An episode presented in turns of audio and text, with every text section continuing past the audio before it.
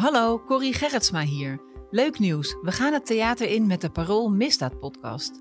Met Paul Vugts en Wouter Laumans praat ik over hun werk als misdaadjournalist. Wat drijft ze en hoe zijn ze in het vak gerold? En op welke manier is de misdaad de afgelopen jaren verhard? Hoe gevaarlijk is het eigenlijk om misdaadjournalist te zijn? Vrijdag 15 maart is de aftrap in Theater de Meervaart in Amsterdam. Kaarten zijn nu te koop via parool.nl/slash live.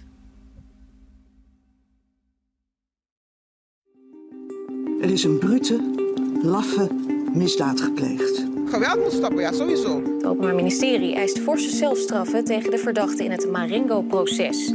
Voor de tiende keer in een maand tijd was het vannacht raak. Een explosie in de stad. Meer dan 2 miljard euro aan harddrugs werd vorig jaar door justitie onderschept. Een verdubbeling met het jaar ervoor. Welkom bij de Parool Misdaad Podcast. Mijn naam is Corrie Gerritsma. En in deze podcast praat ik elke twee weken met misdaadjournalisten Wouter Laumans en Paul Vugts. In deze speciale aflevering hoor je een gesprek van Paul en Wouter met twee zeer ervaren rechercheurs van de Amsterdamse politie die afscheid nemen. Paul, wat was de gelegenheid? De gelegenheid dat, is dat zij uh, samen vooral samen heel lang op uh, de zware teams uh, hebben gezeten die bijvoorbeeld liquidaties deden, oplosten. Um, en zij nemen afscheid en hun team had bedacht dat per verrassing ze hier in de smet zouden terechtkomen en dat Wouter en ik met hen een interview zouden doen. en toen het klaar was, dachten we eigenlijk, is eigenlijk wel zo leuk.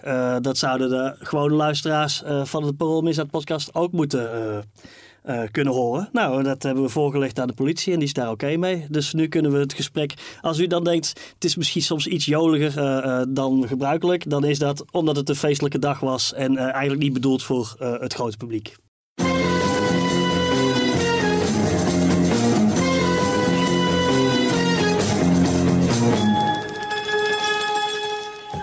Welkom in de speciale podcast ter ere van het afscheid van hun rechercheteam van Bob Schagen, also known as Bob Superkop, en Theo Zwart, die bekend staat als de grote regelaar op de Kabelweg.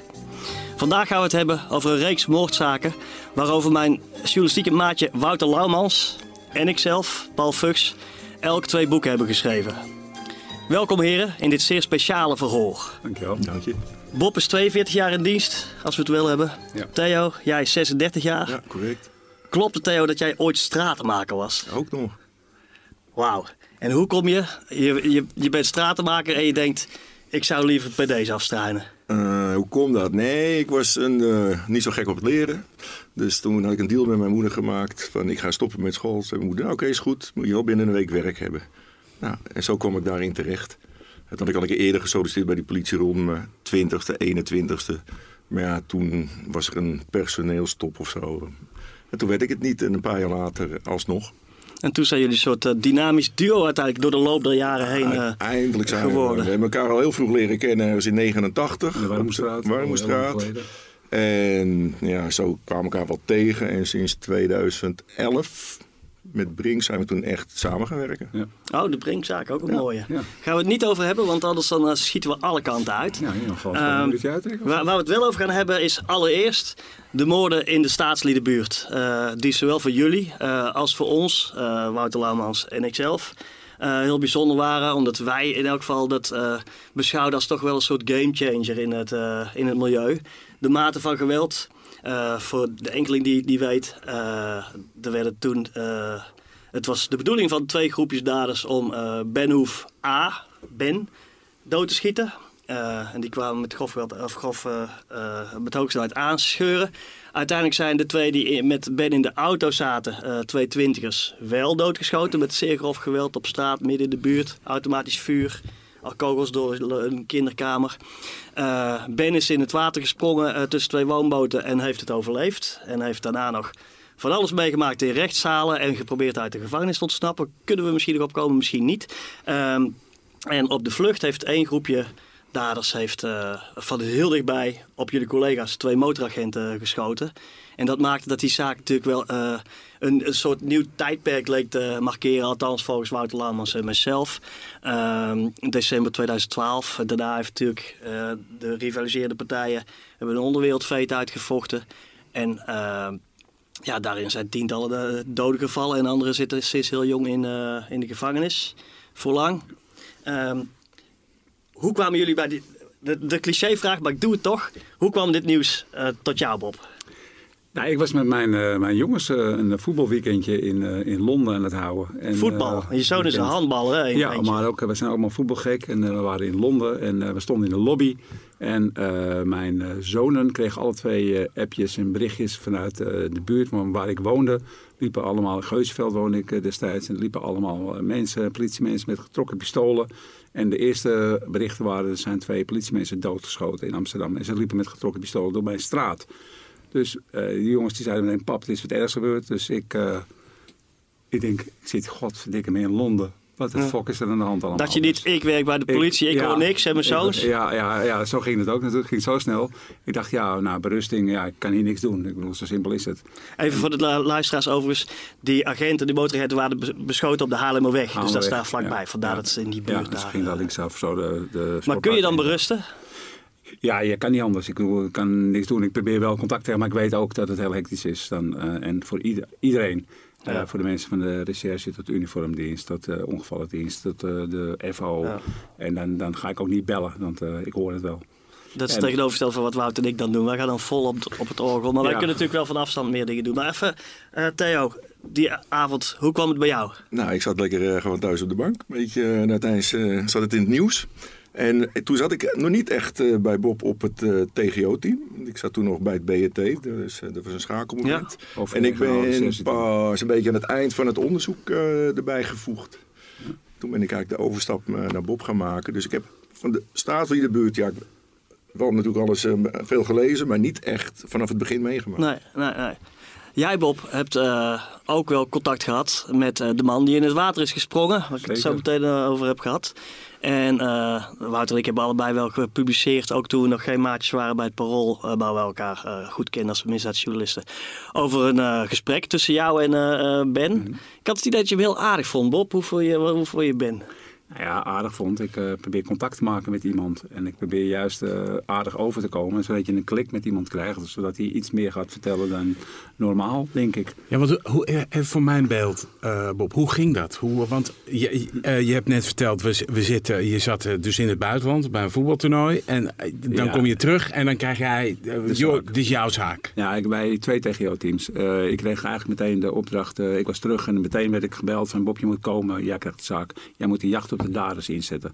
Het andere TGO-team was in eerste instantie voor alle getuigen. Van Jurgen Bakker is dat? Van Jurgen. En om alle getuigen te doen en alle, alle, dat soort dingen allemaal uit te lopen. Want het zijn er echt heel veel. En uh, ik moest die jacht op de daders inzetten. En uh, wat was nou je vraag? Nou ja, oh, hoe, dat, ja. hoe dat vervolgens ging. Want ik bedoel, je komt eigenlijk vanuit een soort achterstand. Ja, ben, en Ben die belde natuurlijk een paar dagen later, hè, toen wij uh, aan het bureau Misschien, misschien moet je even uitleggen, waarom belde Ben je? Ja, die, wilde, die, wilde, nee, die wilde gewoon het rechercheteam spreken, die uh, daarbij belast was. En opeens neemt gewoon een collega, uh, die neemt de telefoon in onze ruimte op. En die krijgt de, de meldkamer, die zegt, ik heb iemand aan de telefoon. Die, die zegt dat hij het slachtoffer, het bogen slachtoffer was bij de statie in de buurt. En die gaat het gesprek voeren, maar die, die kon dat niet zo goed. Dus ik moest eerst schakelen. Ik, denk, ik moest eerst apparatuur laten halen. Dus ik iemand de opdracht gegeven, je haalt nu apparatuur om het op te nemen. Ik ondertussen een andere teamleider, ja ook bekend, gebeld en zeggen... je moet achterhalen waar hij vandaan belt. Want uh, we moeten hem natuurlijk volgen en uh, ja. traceren. En, uh, en toen heb ik razendsnel die telefoon overgenomen, omdat ik al wist. En kijk, en allereerst de vraag die ik heb gesteld... Uh, misschien weten niet veel mensen het, maar uh, ik wist waar hij geboren was. En hij was in, in, in, in Friesland ergens Ja, geboren. Leeuwarden. Ja, Leeuwarden. Ik wou het niet zeggen, maar jij zegt het. en, uh, en, en ik wist dat, want het is natuurlijk een, een, een buitenlandse jongen. En ik wist dat, dus ik zeg nou, ja, vriend, je kan wel zeggen dat je bent wie je bent, maar dan moet je even zeggen waar je geboren bent. En toen zei hij dat en toen wist ik, ja, ik heb in ieder geval de goede aan de lijn. En vervolgens heb ik hem heel lang aan de telefoon gehouden. Ook om, uh, uh, ja, het is een bekende spelletje om te achterhalen van waar hij uh, eventueel vandaan zou bellen. En vervolgens vertelde hij mij gewoon allerlei dingen. En hij had al vrij snel door dat ik best wel wat van de criminaliteit wist. En, en gewoon, hij voelde, het voelde wel goed, zeg maar. En op een gegeven moment, dat was wel, ja, dat vond ik wel humor natuurlijk aan het einde. Toen zei ik, nou ja, je kan wel bij de politie solliciteren, want hij vertelde van alles. En, en dat, was heel, dat was gewoon een grappig gesprek eigenlijk, hadden wij wel. Van, uh, ja, ja. Van, nou, vandaar dat ik ook een beetje plagerig zeg, want ik weet ook wel dat je geen vrienden bent met de criminelen nee. en zo. Maar het, het, het, was geen ongemakkelijk gesprek, had ik het idee. Want nee. het was, stond onder hoogspanning van jullie allebei de kanten, denk Ja, ik. Maar dat, dat zie je in elk geval niet als je het op schrift leest. Nee, ik, heb het wel, ik voelde wel natuurlijk de belangrijkheid van het uh, gesprek, zeg maar. Dat had ik wel meteen door. Dus ik heb het ook eigenlijk, uh, ik denk, dezelfde dag, avond, nacht al helemaal letterlijk uitgewerkt. Omdat zelf. ik wist, ja, omdat ik wist, zelf eigenlijk, omdat ik wist wat ik had gezegd. Ik ken de intonatie, ik, weet, ik praat nog wel snel, dus ik weet ook, ik kan dat wel zelf verstaan. Dus ik wist ook wel de context van het gesprek nog. En je moest natuurlijk meteen iets hebben. Op, hij zei natuurlijk ook iets over mogelijke mensen die erbij betrokken waren. Ja, want dat had hij even voor de, uh, voor de duidelijkheid. Toen, die avond op straat, heeft hij daar ook al wat over uh, gezegd. Uh, heeft hij wat namen genoemd. En daar is later natuurlijk heel veel over te doen geweest. Wat, wat zei hij ook weer tegen jou en zei het je meteen wat? Uh, moet ik even goed na nadenken of ik die dingen door elkaar haal natuurlijk. hij noemde de namen van een neefje volgens mij van, van, van, van Quinnet, Quinnet Marta. Die is liquidatie we later ook hebben gedaan. Mhm. Mm -hmm. En hij had natuurlijk uh, de volgorde, hij gaf aan wie er in de auto had gezeten. Ja. En uh, hoe dat precies was gegaan. En het hoe en waarom. Hij noemde volgens ook Noffel in dat. Ja, uh, Noffel. ja. En ja, hoewel we dat allemaal wel een beetje dachten van ja, oké. Okay, dat hebben we natuurlijk later uitgevogeld van spreekt hij daar wel de waarheid, ja of nee. Mhm. En dat is, uh, kan dat wel, wat hij heeft gezien. Maar mijn hart zou echt in mijn, in mijn keel zitten. Ook mijn journalistieke hart, jouw recherchehart, kan ik me voorstellen. Als de hoofdpersoon uit je verhaal waar je net in bent en wat zo heftig is, die heb je ineens aan de lijn. Ja, ja nou, ik was er niet zo heel erg van onder de indruk. Maar je moet voorstellen, het was, uh, dat was, er stonden ook heel veel mensen omheen en er stond apparatuur aan. En het geinige was aan het einde, dat, vond ik, dat was echt heel leuk. Toen zei hij op een gegeven moment, hey Bob, dit gesprek blijft toch wel tussen ons, hè? ja, de klassieke. Dus ik, uh, toen zei ik, maar kijk, want jij zijn uit vrienden, maar ik weet dan wel wat ik doe. En toen zei ik tegen hem, wat denk je? Ik werk bij de politie. Ik zeg, uh, dit is gewoon opgenomen, het gesprek. Of zo, zoiets zei ik. Ik, zeg, ik maak je gewoon verbaal van. Ik heb later ook nog wel eens met hem gesproken. Ja, hoe ging dat? Dat was in een, uh, in een gevangenis met een collega. En uh, toen zei hij tegen mij, zei hij iets van dat hij de hele verklaring wilde intrekken. En toen zeg ik, uh, ik zeg, ja, toen zeg ik, wat denk je nou? Wat denk je nou zelf? Denk je dat je met gekke Henkie zit? Ik zeg, het gesprek is opgenomen. Ik zeg, ik zit hier met een collega. Ik zeg, en ik maak hier gewoon een proces van op van dit gesprek. En, en uh, nou, dat heb ik ook gedaan. Hoor. Ik ben Mhm. zelfs in dezelfde middag gewoon een verbaaltje getikt uh, hoe het hele gesprek al is gegaan en wat hij heeft gezegd. Dat heeft hij weer op zijn bordje gekregen bij een rechtszaak. En, en uiteindelijk is hij nog steeds, respecteert hij mij nog steeds. En, en ja, ik hem op een bepaalde manier. Want dat, dat Mhm. klinkt heel erg of je een soort respect hebt voor Ja, Dat heb ik dat niet. het wel maar begrijpelijk is. je, hebt, je hebt gewoon intermenselijk contact met iemand. En dat, ja, dat Ja. voel je dan, weet je wel. Dat, dat, dat deed Nou, hij in de rechtszaal ook. En dat, ik denk dat dat uh, ook wel kan gaan. Wouter Lamers en ik hebben, dat, uh, hebben ook zulke contacten soms met, met boeven. Gewoon Ja. dat je denkt, ja, oké, okay, we zullen nooit vrienden worden vanwege onze uh, positie. En uh, jij bent een moordenaar. Uh, maar je kunt nog steeds wel een fatsoenlijk Ja. contact hebben. Ik ben even, heel even benieuwd. Ja. Als je een PD hebt, hoe uh, loop jij een PD op, uh, Theo? Daar ben ik even benieuwd naar. Hoe, hoe, wat, hoe, wat voel je dan? Ben ik gewoon nieuwsgierig naar? Nou, in mijn rol kom ik niet zoveel op de PD. Nee. Uh, in onze situatie ging Bob meestal naar de PD toe. Ik ging uh, zeg maar naar het kantoor toe. En ik uh, opende het onderzoek en ik ging al, ja, zeg maar, zoals wij met werkopdrachten werken. Mhm. Ik kreeg natuurlijk al informatie. Oh, nou, dat moet uitgezocht worden, dat moet uitgezocht worden. Dus ik kreeg dat allemaal werkopdrachten. En ja, meteen mensen eraan koppelen. Dus als een soort spelverdeler ja. fungeer je dan? Middenvelder. Ja, ja, ja libero. Een playing captain misschien. Maar wat hij wel heeft gedaan, hij heeft bij de oude ernstige delicten gezeten. Ja. Dus uh, de voorlopers van de TGO's. En daar kwam hij wel altijd op PD's. Hè, Ja. Met het inspreken toen nog uh, van de PD's. Ja, Dus maar hoe is wel- dat? Dat, vraag ik me altijd. Want kijk, wij, wij als journalisten komen altijd zeg maar, een beetje in de tweede. eh, wij staan aan het lint. En dan staan we gewichtig te doen. Maar wij, kan, wij mogen er natuurlijk niet op een PD rondlopen. En dat lijkt mij toch best wel. Dat kan natuurlijk ingrijpend zijn. Of gaat je hartslag dan omhoog? Of ga je gelijk in een soort zakelijke Nee, modus? Toen ik bij de ED begon, hadden we nog eens de witte pakken, zeg maar. En stonden ze Toen waren jullie echt een sporenvernietigingscommando. Zoals uh, John. Ja, nou, dat, dat klopt inderdaad. Ja. Mensen stonden inderdaad nog te roken. En we gingen ook meteen met eh, de forensische collega's. eh, Zo, toen heette dat ook nog een technische recherche. Mhm. Naar binnen. En eh nou, dan stonden we een beetje maar zo te kijken. Een beetje intelligent kijken. Een beetje hmm. En dat dacht iedereen dat we het al wisten. Maar ja, dat was natuurlijk ook niet zo. Nee. Nee, je vond het wel spannend. Maar het is wel analytisch dan meteen. Ja, ja je bent wel meteen bezig van... Hey, eh, goed om je heen Even kijken. kijkers En, vragen, hoeveel like heb je gezien? Oeh, nou, ik denk dat ik wel richting de 250 tot 300 ga, denk ik. Ja, Oh. Ja, ik durf het echt niet eens meer eh, te ik, ik hoorde John wel eens zeggen van een collega Mhm. van 1500 doden. Ik heb geen vliegtuigongelukken gehad en zo, maar ik heb er ook honderden heb ik wel gezien. Ik heb eh, in de Warmoestraat eh, de, de heroïnehoeren allemaal, allemaal dood zijn gegaan. Maar John heeft, John heeft wel, eh, wel eens gezegd van nou, het, het, het, is ook wel een beetje in mij gekropen. Heb je, Ja, herken, herken je dat? Van, Ja, ik, ik heb dat niet. Nee. Nee, nee. Nee, maar ja, ik bedoel... Ik, er wordt wel wordt heel veel aan mij gevraagd door mijn kinderen, Ja, eh, door familie. En die vragen allemaal hoe kan je dat verwerken, hoe doe je dat? En ja, ik heb dat niet zo. Ik eh, kan er wel analytisch naar kijken. En, ja, misschien omdat we dan gaan we wel eens samen de kroeg in. Ja. En dan eh, drinken we een biertje met Dat z'n helpt tweeën. tegen En alles. Dat Ja, helpt ik, tegen ik- alles. ik ja. heb het ook niet zo. Van, Nee, eh, we hebben het er wel best wel vaak over. maar als ik bij, bij het onderzoek klaar is, ja, het lijkt een soort een kastje, dan klep je dicht. En dan dat kan is- ik er eigenlijk spontaan bij niks over vertellen. Dan ben ik dat gewoon even kwijt. En als we het dan erover gaan hebben, oh ja, dat, dat, dat. Ja. Nou sta ik hier toevallig voor de deur en opeens zie ik iets, een oude PD van mij, nog uit die ED-tijd. Nou, daar weet ik bijna alles weer van. En, en hoeveel PD's, als jullie door de stad fietsen. ehm, van mijn vrouw mag ik het niet over, eh, over moorden hebben tijdens het fietsen. Want anders zie ik overal PD's. Weet je wel, dat moeten jullie ook hebben. Hoeveel als jij op de fiets door de stad zit, denk je dan, hé, hey, dat was, weet je nog, die, die moordzaak? Of eh, zit er... Ja, ja, bij sommigen wel. En sommigen ja, dat maar dan weet ik niet meer wat het was. Kijk, er was ook, want wij kwamen in die tijd ook op ja, een PD dat een beetje onduidelijk was. Is het nou wel een moord Ja. of, geen, of natuurlijke dood? Dus ja, dan ben je er een paar uurtjes en uiteindelijk blijkt, nou oké, het is natuurlijke dood. En dan, ja, dan loopt die ook wel weer bij je weg, Ja. denk ik. Dan, Ja, maar maar gewoon waar je echt wel echt onderzoek hebt gedraaid, ja, die, die weet je wel. Tijdens de fietstocht vandaag, Mhm. toen buiten alle opdrachten die wij deden, toen hebben wij, zijn we langs, ik weet niet hoeveel PD's gereden hebben. En onderweg hadden we het er steeds over. En dan we hier nog kwam hier aanrijden, hier bij de studio.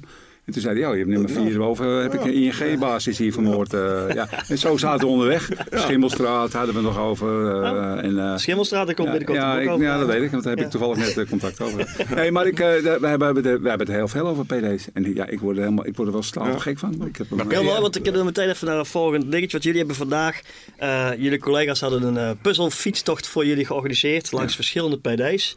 En daar moesten jullie vragen beantwoorden. En ik hoop maar dat jullie er ook weer een enkele goed hadden. Maar de volgende PD waar ik het even over wil hebben, is ook een hele heftige. Eh, die is van de Klerkstraat. In jullie taal heet dat het onderzoek GEEP. Eh, Bij ons heet het eh Youssef El Kataoui. Wouter heeft daar wel goed in het begin al veel nieuws over gepubliceerd. Ik zat toen een beetje eh, jaloers te kijken naar, naar jullie, want jullie hadden wel snel, jullie waren wel snel op de.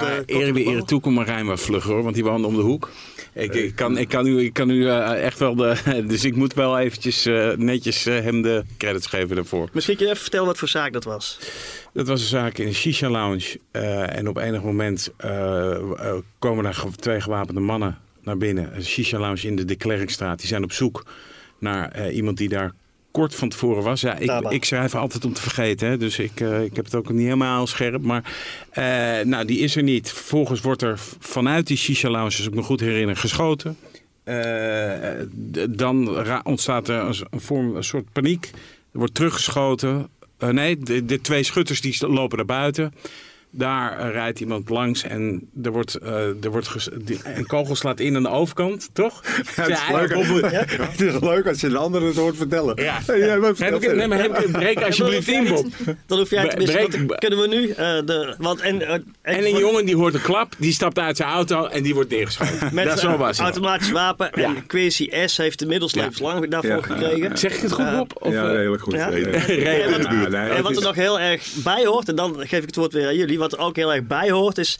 Voor, in de verte rijdt ook nog de tram langs. Ja, ja. En er wordt ook, hij ziet met automatisch vuur, die wordt ook meerdere keren geraakt. Gelukkig niemand eh, eh, geraakt daar.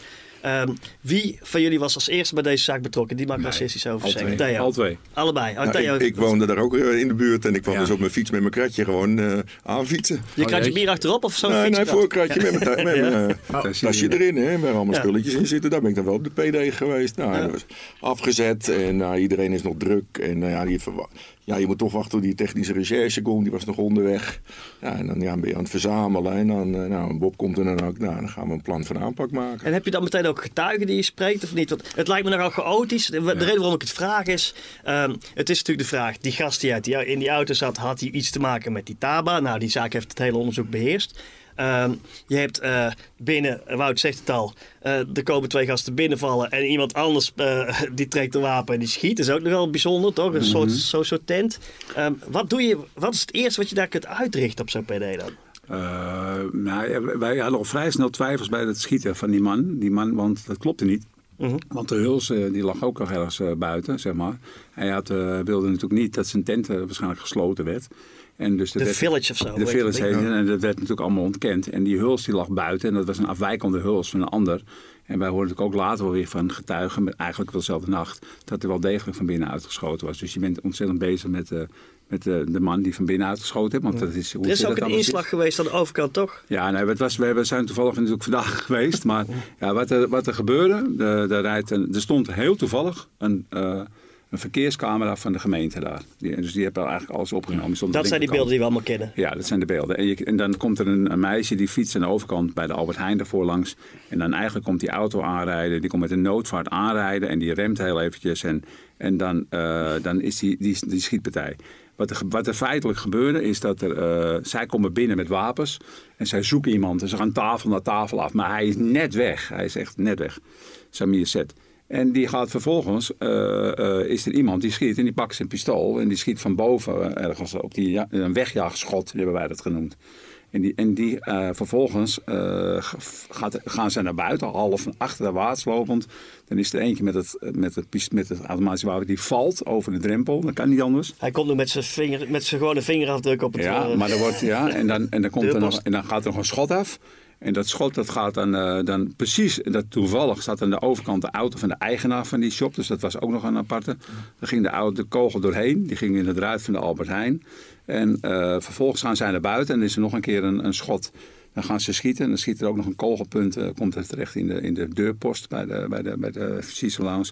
En dan komt eigenlijk net die auto aanrijden. En wij denken dat die automobilist Samir Zet moest ophalen. Ja, En, dan, en die, dat hij eigenlijk aan het zoeken is. En dan, eh, dan horen dus, komen ze net eigenlijk erachter. Er wordt net die kogel afgevuurd. Wat, het, wat per ongeluk gaat en dat die valt, denken wij.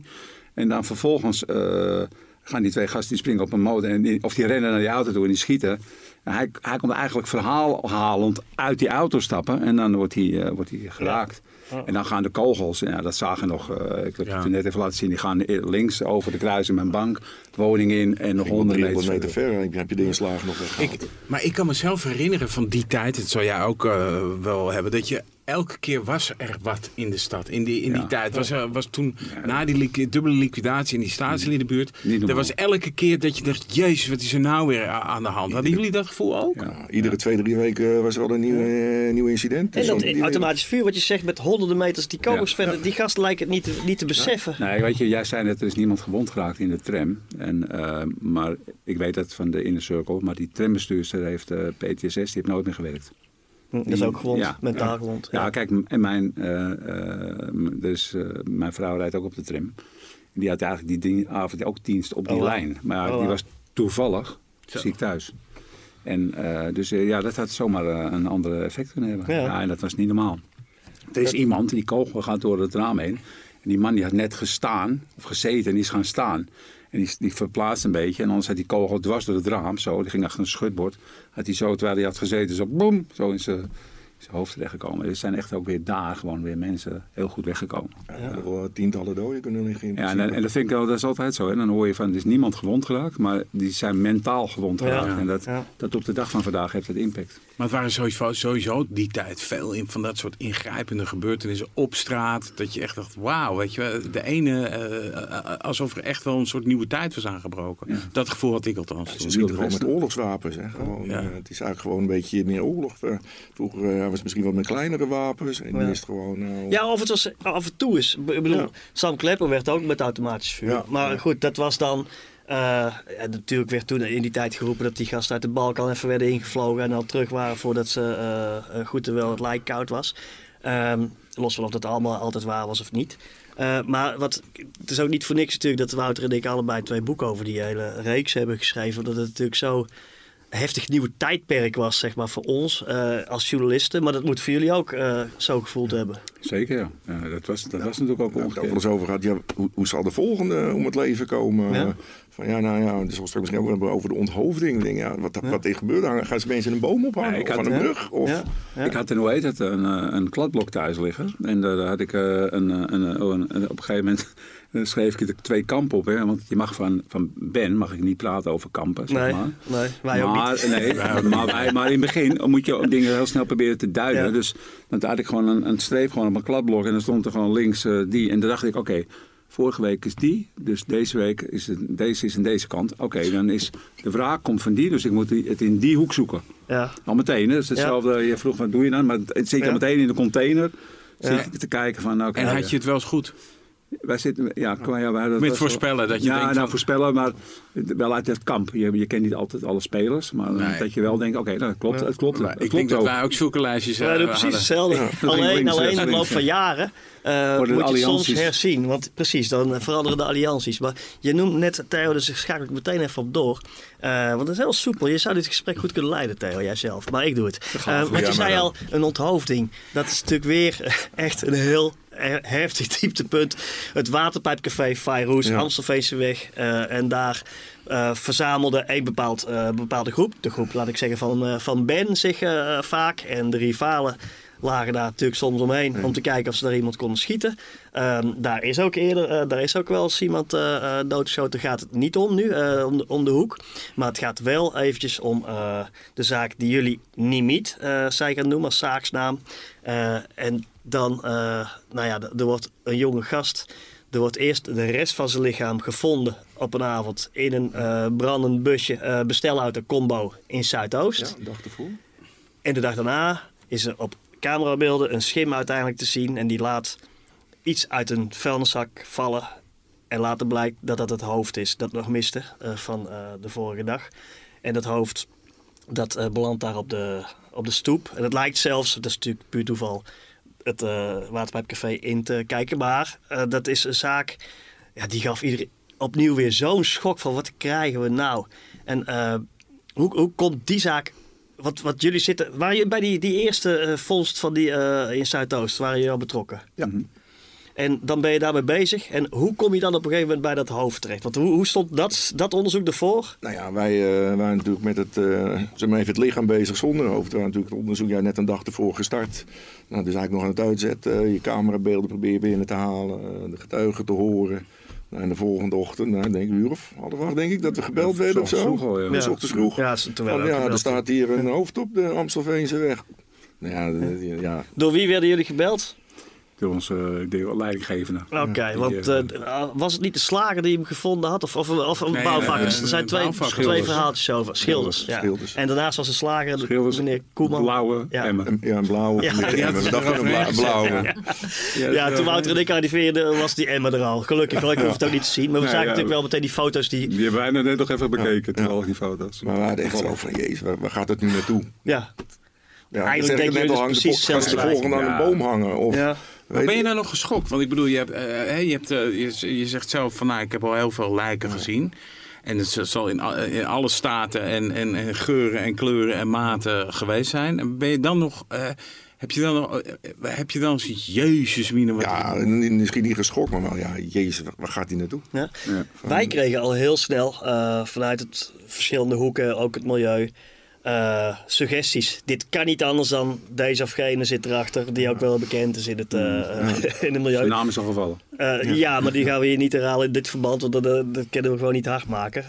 Ja, jullie mogen het doen. Nee. Wij, Wouter en ik hebben het niet rondgekregen, zeg maar, die zaak. Maar wat wist je, en dat loopt eigenlijk, ik bedoel, als er ooit een kansje komt, wordt dat onderzoek alsnog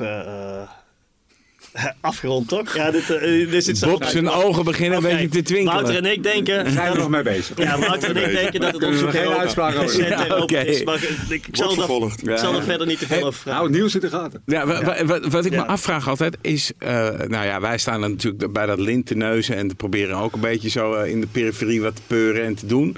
Uh, hoe kijken jullie naar de pers? Dat, dat vraag ik me af. Hè? Jullie leiden dan zo'n onderzoek. hebben jullie dan wel eens dat jullie nog verrast worden... door wat er in de krant staat? Of hebben jullie altijd zoiets van... nou, dat wisten we al en dat, dat klopt niet? Vraag ben ik wel benieuwd naar eigenlijk.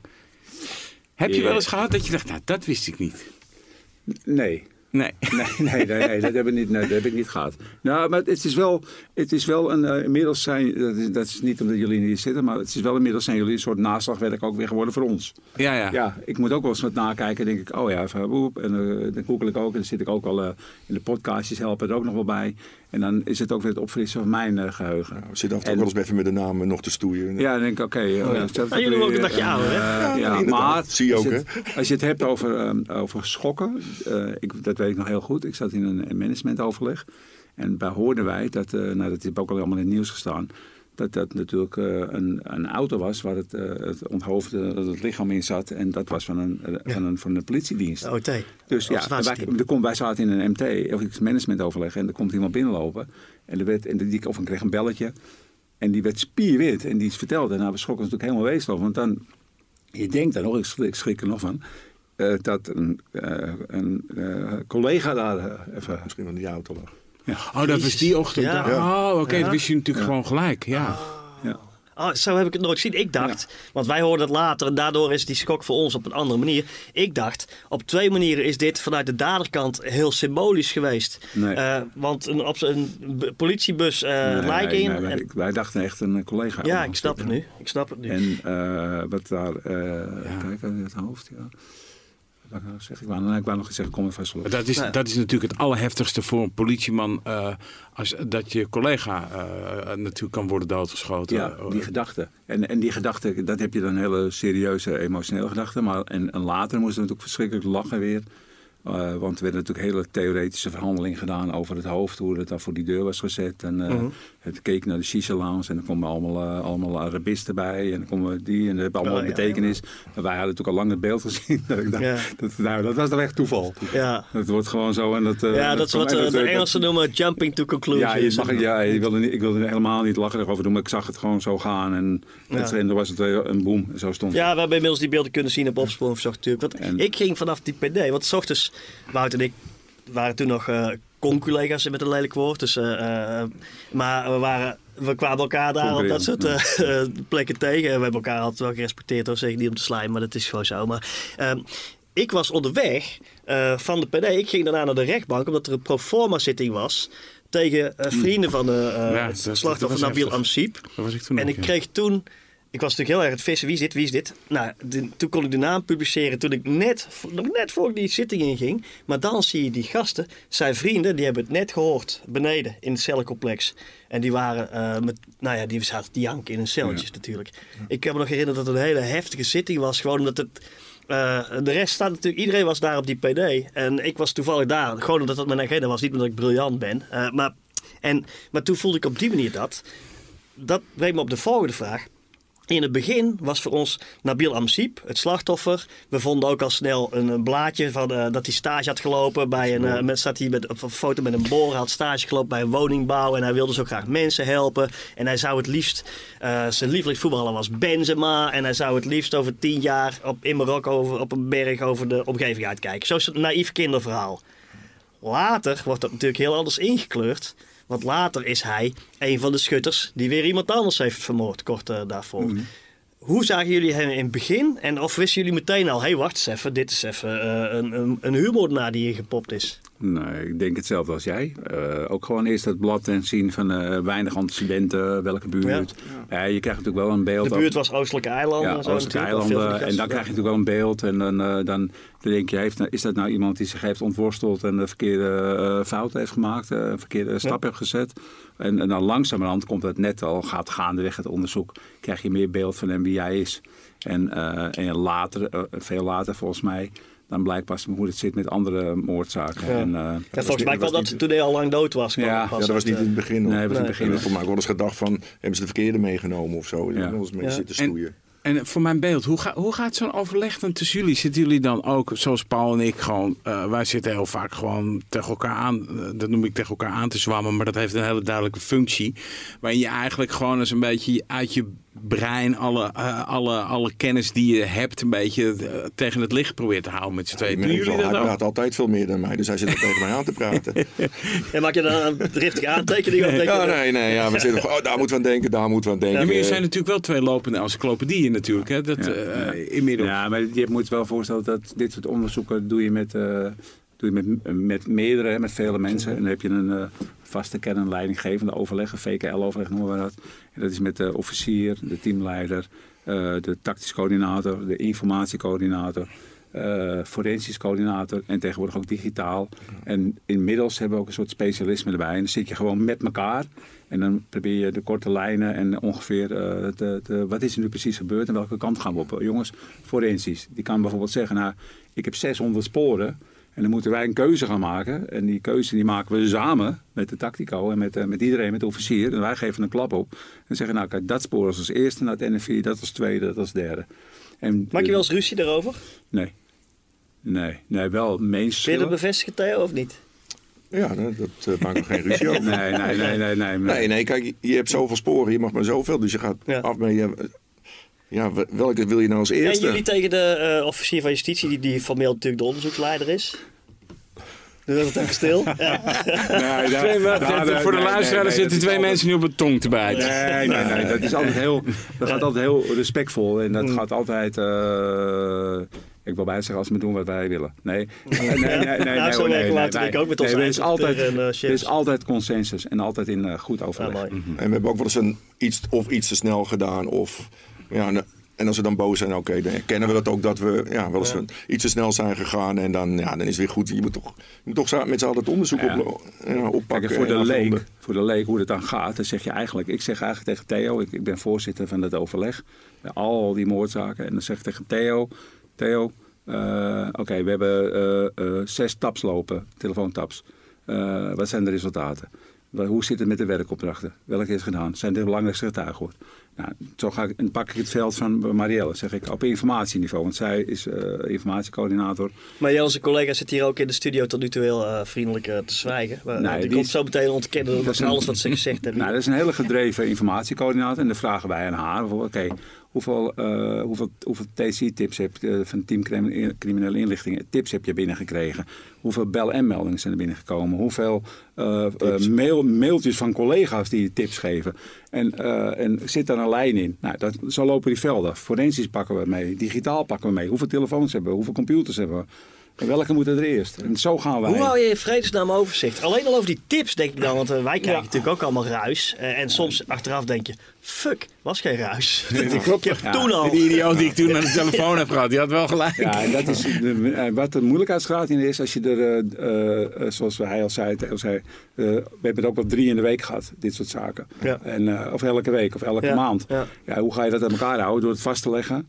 En uh, je hoofd een beetje koel cool te houden, ja. Maar Theo, als spelverdeler moet jij dus ook echt wel mensen soms uh, achter hun broek een beetje zitten. Van, hé, hey, kom op uh, jongens, we hebben dit, uh, dit ja, ja, die, die zou die getuigen voor, het is niet gebeurd. Waarom, waarom is het niet gebeurd? Dat is, dat, moet je dan een beetje streng zijn? Nou, ik ben niet zo heel streng, dat valt wel mee.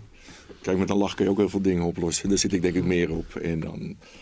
Ja, dan ga je gewoon, nee, je moet nog vandaag gehoord gaan worden en dan wordt het ook wel gedaan. Maar kan je slapen uiteindelijk? Als je, als je hebt zo'n berg dingen. Ik kan wel liggen malen in een beetje van. Uh, maar als je. Als je ja, maar kijk, jij maakt misschien dagen van 8 uur, maar wij dan van 16, dus je wil wel een keer slapen. nou ja, ik... No comment, sir. Nee, natuurlijk. Uh, ja, ja. Ik heb ook wel eens van, ja, ja. niet dat ik uh, zo lang wakker ben geweest, dan slaap ik wel een keer goed hoor. Ja, ja zeg maar, de paar dagen daarna, dan denk je. Nee, nou, dat onderschatten mensen. Dat, dat of, onderschatten mensen oh, helemaal. Dat moeten we nog uitzoeken. En ik heb het ook wel eens dat ik even mijn telefoon in een klein berichtje zet. Ja. Uh, ja. Het volgende ochtend weet ik het toch niet meer. En dan denk ik, nou, oké, okay, dat moet nog even uitgezocht en dat. Ik ben jou een keer tegengekomen, Bob. Uh, en toen zat je midden in een onderzoek. En toen moest je op de rechtbank zijn voor iets. En toen dacht ik echt, oh, zo ziet, zo, ziet, zo ziet Bob er dus uit als hij midden in een onderzoek zit. Daar zag je, er- daar zag je er wel anders uit dan eh, Oh, dan- ja, ja. die, Ja, die ja. stress. Er is natuurlijk wel stress, je moet je voorstellen, als je een hele, je hebt bijvoorbeeld een hele dag gewerkt. En je ligt om 12 uur in bed en je ligt in je eerste slaap. En je wordt om 1 uur eruit gebeld. Want de liquidaties waren allemaal s'nachts. Dan heb je eigenlijk 1 uur geslapen, maar je bent al de hele dag wakker. Dan werk je 16, 17, 18 uur. Maar je weet, en dat onderschatten mensen, dan ga je terug naar huis. En dan eh, moet je het nog even verwerken. En dan, eh, dan eh, slaap je 4, 5 uurtjes en dan beginnen we weer. Hè? En dan heb je weer een dag van 10, 12 uurtjes. nou, niet altijd overdrijven, maar 10, 12 uurtjes. En dat heb je een paar dagen achter elkaar. En dat, kijk, en jij vraagt, kijk, ik had er een bepaald systeem voor. Mensen zeggen altijd tegen mij, ik ging al bijna altijd als laatste weg.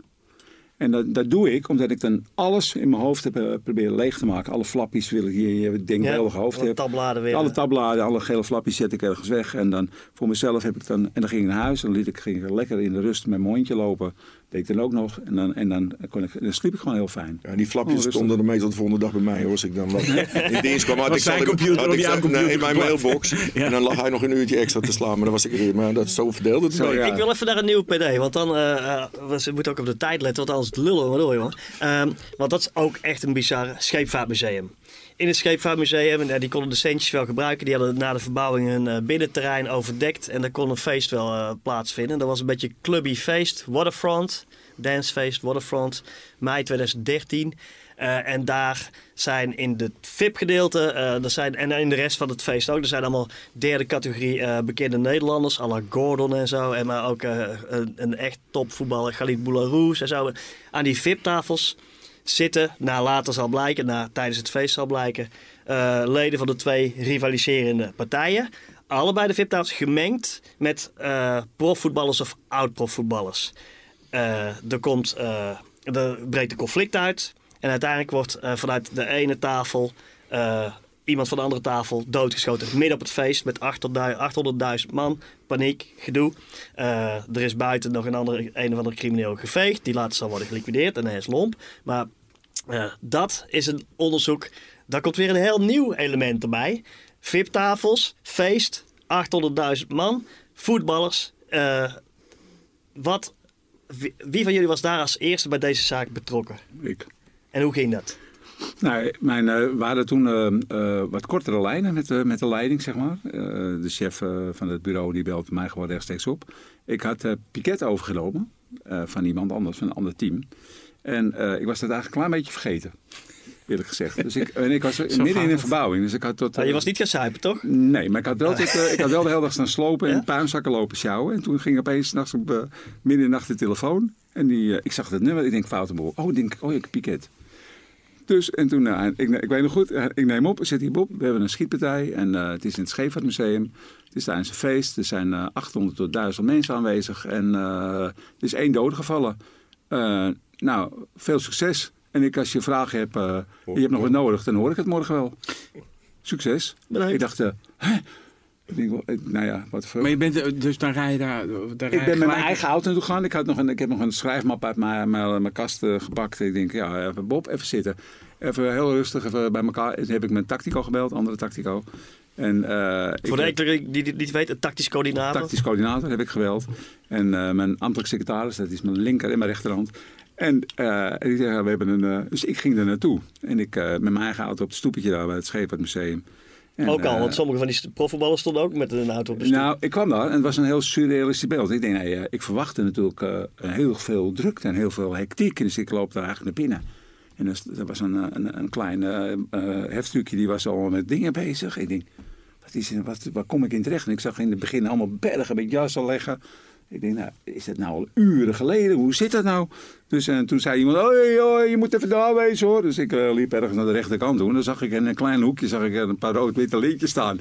En uh, daar stond een mannetje in een wit pak al. En, uh, en die zegt, eh, Bob, hier is het. En er lag een, een, een dode achter de Souhail Lachir, ja, lid van, laat ik zeggen, de groepering die rond ja. Ben werd gerekend. Ja, dus hadden de, voor mij was de, de hele PD, daar was het hele, nee, nee, het hele sporenvernietigingscommando, maar het was een heel leger, was al, alles was al weg. Ik kon me helemaal geen inbeelding meer maken wat er nou, hoe dat er nou, mijn god, allemaal uitzag. Ik zag het niet kon niet zien. En nou ja, dat was mijn eerste start van het onderzoek. Ja. Ja, en, En eh, vervolgens kom je erachter aan die VIP-tafels. Verdomme, de andere VIP-tafel heeft het rivaliserende kamp eh, gezeten. Voorheen, eh, laat ik zeggen, ik het, Marta, eh, Demis Mongen. ja, ook al inmiddels heel lang. Dus die is, is een cel overleden uiteindelijk. In, eh, Jullie hem hebben kunnen vangen voor een. eh, Ja, ze zijn al, boot. de meesten zijn niet oud geworden. Nee. Maar, maar, maar dan, dan kom je daarachter. Van wacht eens even. VIP-area. Ja. Eh, en deze, die Souhail hoort bij een groep aan een VIP-tafel en voetballers eh, eh, van Kap A. En verdomme, Ja. die andere is Kamp B. Hoe lang duurt het voordat jullie daar... Vrij rap hadden we Ja, al want je door. krijgt natuurlijk VIP-lijsten. Ja, we hadden al vrij rap door hoe dat zat. En, En eh, dan? Ook met beelden. We hebben natuurlijk heel veel snel eh, de camerabeelden Het bekeken. viel mij op, ik heb die camerabeelden ook gezien, dat eh, sommige van die gasten niet heel erg intensief werden gefouilleerd. Nee, door, dus we hadden eh, de- meteen al ook het beveiligingsbedrijf onder de loep genomen. Ja. En wij hebben daar met wat mensen gesproken. Kijk, eh, eh, het bleek al vrij snel ook dat het feest werd daar gehouden. Omdat eh, ze kwamen geld tekort bij het Scheepvaartmuseum. Ja. En toen, toen hebben ze een eigen beveiligingsbedrijf. Hadden heel weinig ervaring mee. En die hebben toen een extra Normaal moeten die de Chinese toeristen... En vervolgens hebben ze daar, hebben ze dat, de gemeente heeft er toestemming voor gegeven en daar een, een, een feest organiseren. Ze hebben toen een, een, een dag te zijn, gerenommeerd bedrijf ingehuurd. Maar dat leek eh, Ah, die- eh, anders te zijn. Die feestjes die waren ook wel voor een bepaald publiek. Ja, ja, Ik- ja. ik- Ja, ik maar zat- ik zouden daar niet naartoe gaan. Ik zat Nee. die avond er tegenover in het café, dus ik zag het allemaal binnenkomen. En eh, ja, dat, zag je toen wel. Kijk, wat je wel ziet in dat soort zaken met, met VIP's, dat eh, mensen niet zo heel gauw geneigd zijn om getuigenverklaring af te leggen. Mhm. Die voelen zich toch, eh, sorry dat ik moet zeggen, maar die voelen zich toch allemaal wat meer als de rest. Mhm. En die vinden dan maar van, eh, ja, ik ben die en die, dus ik eh, hoef geen verklaring af te leggen. Die verwijzen altijd naar de advocaat. En dan zeggen wij, ja, maar je advocaat, eh, die kan niet vertellen wat jij gezien hebt. En je moet dus ook helpen. Het zijn vaak ook vrienden, hè. En dan, Ja.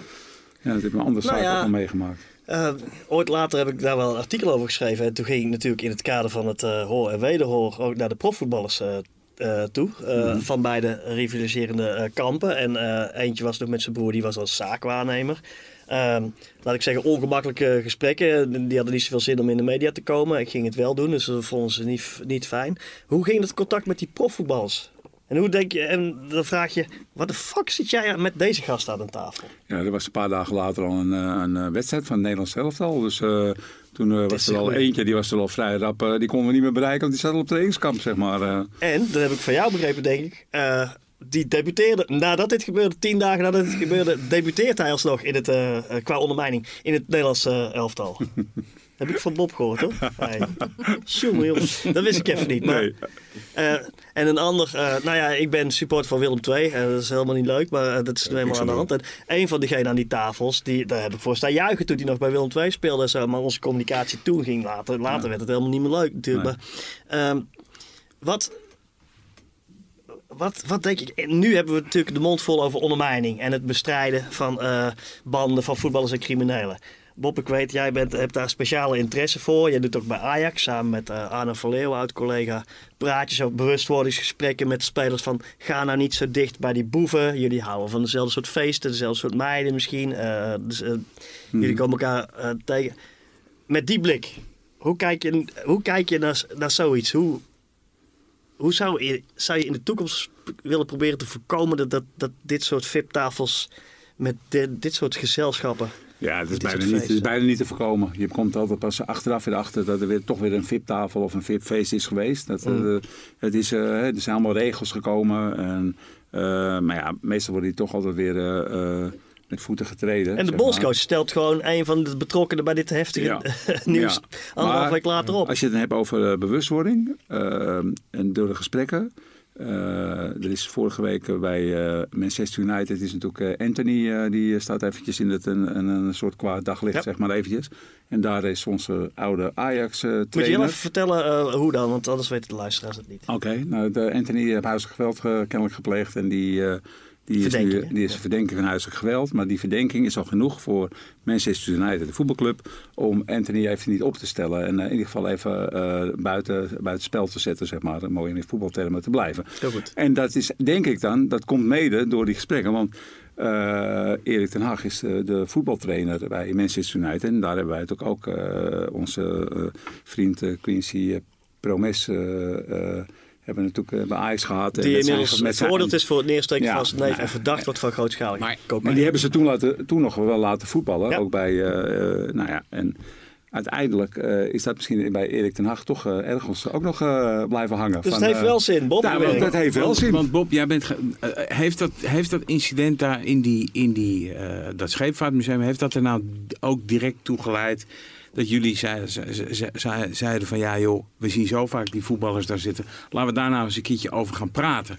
Want ik bedoel, zo dat je denkt van daar gaan we een keer eh, wat extra aandacht aan besteden. Nee, dat niet per se. Maar we komen natuurlijk wel mensen in de.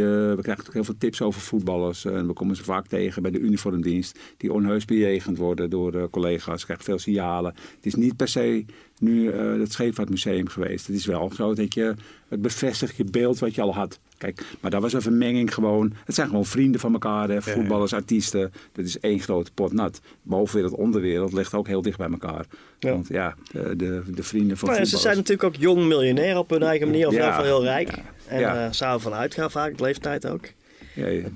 Maar er ligt wel een mooie taak om dat weer eh, goed op de kaart te zetten. Maar ik begreep dat jij je daar weer meer mee gaat bemoeien, eh, Bob. Met uh, ondermijning. ja, Ja, wij gaan beide in de strijd daartegen. Maar voetbal, ben je ook een voetbal? Ga jij daar ook... ik zoek namelijk even weer eh, mooie nieuwe verhalen over on- ondermijning in de voetbalwereld en eh, eh, criminaliteit. Ik kijk een beetje voetbal. Nee, we gaan er wel weer mee aan de slag. En we zoeken ook opvolgers. eh, om ons weer het jonge, die jonge Dienen die zichzelf aan of moet je ze zoeken? Lijkt me fantastisch. Dienen zich aan. Dienen zich aan. Maar eh, je moet wel, kijk, kijk ik, wij doen het nooit. Arno en ik hebben nooit doen iets voor de eer en de glorie. Nee. We hebben er nooit iets aan Dat weet ik, dat kan ik bevestigen. Voor En eh, kijk, als er een handtekening eh, iets moet komen, moeten ze aan mij een handtekening vragen. En niet eh, dat ik aan een voetballer een handtekening ga vragen of op een foto. Snap je? Mhm. Ik bedoel, zo is het ook nog maar een keertje. En, dus ja, en je moet dus ook een beetje, je moet, je moet wat van de voetballerij weten. Je moet wat van ondermijning weten. Je moet makkelijk contact kunnen maken met eh, de, de voetballer zelf. En eh, je moet wel weten waar je over praat. Dus ook over de zware, zware moet je wel wat weten. Ja. Je moet die verbindingen kunnen maken. Ja. Je moet, eh, je moet, en die Nou, zijn er inmiddels. Ja. Dus iemand kan wel gewoon heel enthousiast zijn en zeggen... nou, ik kan mooie presentaties maken en geven. En dat doe ik vaak. Maar, ja, maar wat weet je van de zwaartewereld? Weet je, wat, wat is het Scheepvaartmuseum? Moet je meteen op kunnen poppen. Ja. Hoppa. Mei 2013. Ja, ja zitten welke voor- voetballers zaten er? Die, die, die, die. Ja, moet even. Ja. Dus, ja, ja, zijn dus- nee, moet ik even opzoeken. ja, dus- ja, snap je? Nee, Ja. wij, wij zijn eh, en eh, ja, ik heb wel mensen op het oog hoor. Ik heb zelfs eh, zit hier vlak eentje in de nabijheid die, die weet dat wel. Dat is wel Ik iemand die geschikt is. Zijn Als het iemand zover is, willen we diegene graag leren kennen. Ik wil, we moeten langzaam afsluiten, want podcast moet het niet heel erg lang duren, want dan gaat niemand het uitluisteren. Maar ik wil nog één, maar dat is meer, als ik het goed heb voor jou Theo, een, eh, een hele rare zaak. eh, ehm, eh, daar, en toevallig hadden Marjelle en ik het daarover in de voorbereiding van deze podcast. En dat gaat over de Albert Kuip en de kapper. En daar heb jij bemoeienis mee gehad. Er is een keer een kapper geweest. Dennis N. Ik help je even op weg. Ja? Want dit hebben we verder niet voorbereid. Dennis N. op de Albert Kuip heeft de kapper de hairbox. Heel Ja? klein pijpenlaadje. En er waren altijd een beetje ook eh dronkenlappen en zo hingen daar. Ik, hing daar, ik, ik woon daar eh, schuin achter. En eh, ik ken die zaak wel een beetje. Maar wat gebeurt op een gegeven moment? Die kapper, er is in het kleine, Echt nauwe pijpenlaadje. En daarom, ik wil even door, Tel, kun jij denken. In dat nauwe pijpenlaadje wordt die kapper aangevallen door een dronkenlap. Althans, dat wordt later het verhaal. En hij heeft zijn schaar in zijn handen, maar hij heeft van het afrohaar is hij aan het eh, knippen. Waardoor je je schaar iets anders vasthoudt dan anders. Als je dan je vuist balt, komen die pinnen van de, met de schaar komt naar, eh, naar voren. En wat ik interessant vind aan die zaak, en daarna ga ik vragen wat jij ervan vindt, is die, die kapper die slaat die vent zijn zaak uit. Hij zegt, oh, ik dacht dat ik hem met de blote vuist zaak. Ik wist niet dat ik die schade. En die man was een vergiet, die is overleden. Maar de kapper is ontslagen van rechtsvervolging wegens noodweer in die eerste zaak. Ja. Vervolgens, eh, jaren later, is, komt er weer een melding. Die kapper, die heeft iemand uit zijn zaak geslagen met zijn schaar. Wederom. Zit helemaal vol met gaten. Eh, jij hebt een van beide zaken volgens mij ook gedaan. ja, ik denk de eerste. En, en wat, maar dan, dan heb je eh, eh, liquidaties en zo, zo'n soort zaak. Hoe kom je daar nou weer? Uh, hoe, hoe, hoe verloopt dat? Want je kapper, een beetje rommelige situatie. Ja, dat is nog, eh, dat is nog ED-tijd geweest. Dat echt nog voorjaar de TGO. Kwamen bij al, bij al die zaken. Ernstige delicten. Ja, ernstige delicten. En uh, ja, dan kwam je bij al die zaken. En dan, dan deed je kunstje, een beetje inspreken met het team wat er dan ging draaien. Deed je na 1, 2 weken meedraaien voor de PD-kennis. En dan ging je, nam je eigenlijk afscheid van het team en dan ging het team ermee verder. Zo ik begreep dat jij daar ook dingen hebt geregeld zoals, waar de marktkooplieden niet zo uh, enthousiast over waren. Ja, we hebben daar een reconstructie gedaan. en uh, nou, die halve markt moest leeg. En het leuke was, en dan gaan we weer even terug naar voetbal. Misschien wil je daar naartoe, dat weet ik niet. Ik weet niet wat mm. iemand erover weet. Maar toen hadden we dus de Europese kampioenschappen. En uh, nou, ik liep daar in die tijd, toen was ik wat slanker, wat jonger. Nog slanker? Ja, nog slanker, dankjewel. En ik was uh, ook kanon. Ik had toen in die tijd zo'n mooi baardje, ook zo om je kin. Zo praten de En toen werd ik dus door een paar Fransen aangevallen als monsieur Bartes. die wilden een handtekening van mij. okay. En om het nog sterker te maken, ik liep een keer in het Haribo Museum ergens in Frankrijk. En liep ook een of andere Fransman en die zei, weet weet Patrick, of wat die zei, monsieur Bartes, monsieur Bartes. Dus waarschijnlijk leek ik het toch wel op. wat ik over deze zaak verder wil weten, want, en dat geldt voor jullie allebei eigenlijk je hebt heel de eerste, uh, je hebt eerst wel of niet op de PD gestaan, maar in het begin van het onderzoek uh, gedraaid. Dan heb je het hele onderzoek de hele tijd lang gedraaid. Volg je, ik weet het van jou zeker, maar in hoeverre volgen jullie van, van zaken de rechtsgang? En, in wel, en wanneer beslis je wat je wel en wat je niet kunt volgen? Want je moet ook gewoon ja, je ja, als je tijd hebt, dan ga je meestal naar de zitting toe. En, Had je deze zaak nog gevolgd van die, die stekende kapper? Oh, dat weet ik echt niet meer. Ik, ik vind het, dit is een van de zaken, omdat hij twee keer is ontslagen voor rechtsvervolging vanwege noodweer, vind ik dat zo. Volgens mij is dat verder in de ja, Nederlandse Ik ben bij de eerste, de tweede heb ik pas later gehoord of zoiets. Pas, inderdaad dat hij nog een keer bij zo'n zaak betrokken was grappig. Wat ik, wat ik altijd wel mooi vind aan politiemensen is dat ze zich. Ik had vandaag toevallig weer. Zaten we in, zat ik in de rechtbank en toen stonden collega's van jullie. stonden zich echt. Eh, waar de voorlopige hechtenis in een andere zaak van een aantal verdachten was. Maar die stonden zich echt daarover op te winden. Dat vind ik, ik vind dat nog mooi. Heb jij dat ook nog wel als je naar een rechtszaak toe gaat en dat je denkt van. Nou, die rechtbank neemt nu een beslissing van joh, wat, wat, wat, dat, hoe, komen ze erbij? Ja, dat, dat is hoort erbij, hè? Ja, dat hoort erbij. Maar ja, oké, eh, wij, wij dragen alles aan. En ja, hun uh, nemen er een beslissing over. Ja. Wat wij wel altijd hebben van, denken we als we er wel zitten. Hadden we er nou ook nog maar even erbij gezet. Soms is maar één zinnetje. Ja. ja. Kwamen we later ook hier achter. Over camerabeelden. Wij omschrijven altijd alles wat we zien. Ja. Maar niet wat we niet zien was de zaak alimentjes. Ja, en dan gaat het dus inderdaad erover van... Daar loopt hoger beroep nu. Ja, over een vierde persoon die weg zou zijn gelopen. Maar wij hebben het alleen over de drie personen die we zien. En misschien is er wel een vierde weggelopen. Maar wij hebben niet gezegd, er is voor de rest niemand meer op die beelden te zien. Nou, daar gaat er een half uur discussie over in de rechtszaak. Want de advocaat zegt, eh, er was Ja, ja er was een vierde. De verdachte ja. Dus ja. en dan denk je wel, dat zijn, dat zijn onze leermomenten weer.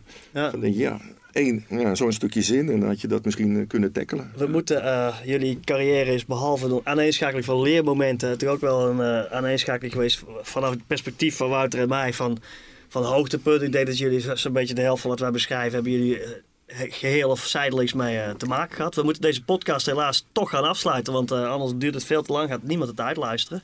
Um, wij zijn heel blij dat jullie hier te gast waren. Uh, maar ik weet dat jullie, uh, jullie team het echt heel erg vindt dat jullie andere dingen gaan uh, doen. en ik begreep dat ze daarom ook plannen hebben om nog misschien een glas bier te gaan drinken. Dus dat gaan we dan oh. nu doen. En dat, dat, in dat geval ga ik altijd zelf mee. dank voor dit gesprek. Dank gedaan. Ja, en succes met wat jullie gaan doen. En vergeet ons niet te bellen. Nee, nee jullie ook bedankt. Dat was, uh, heel, leuk. Was heel leuk om te doen. Een grote verrassing van het team dat we dit uh, georganiseerd hebben. Ja. Dank je wel. dank. Dank je wel.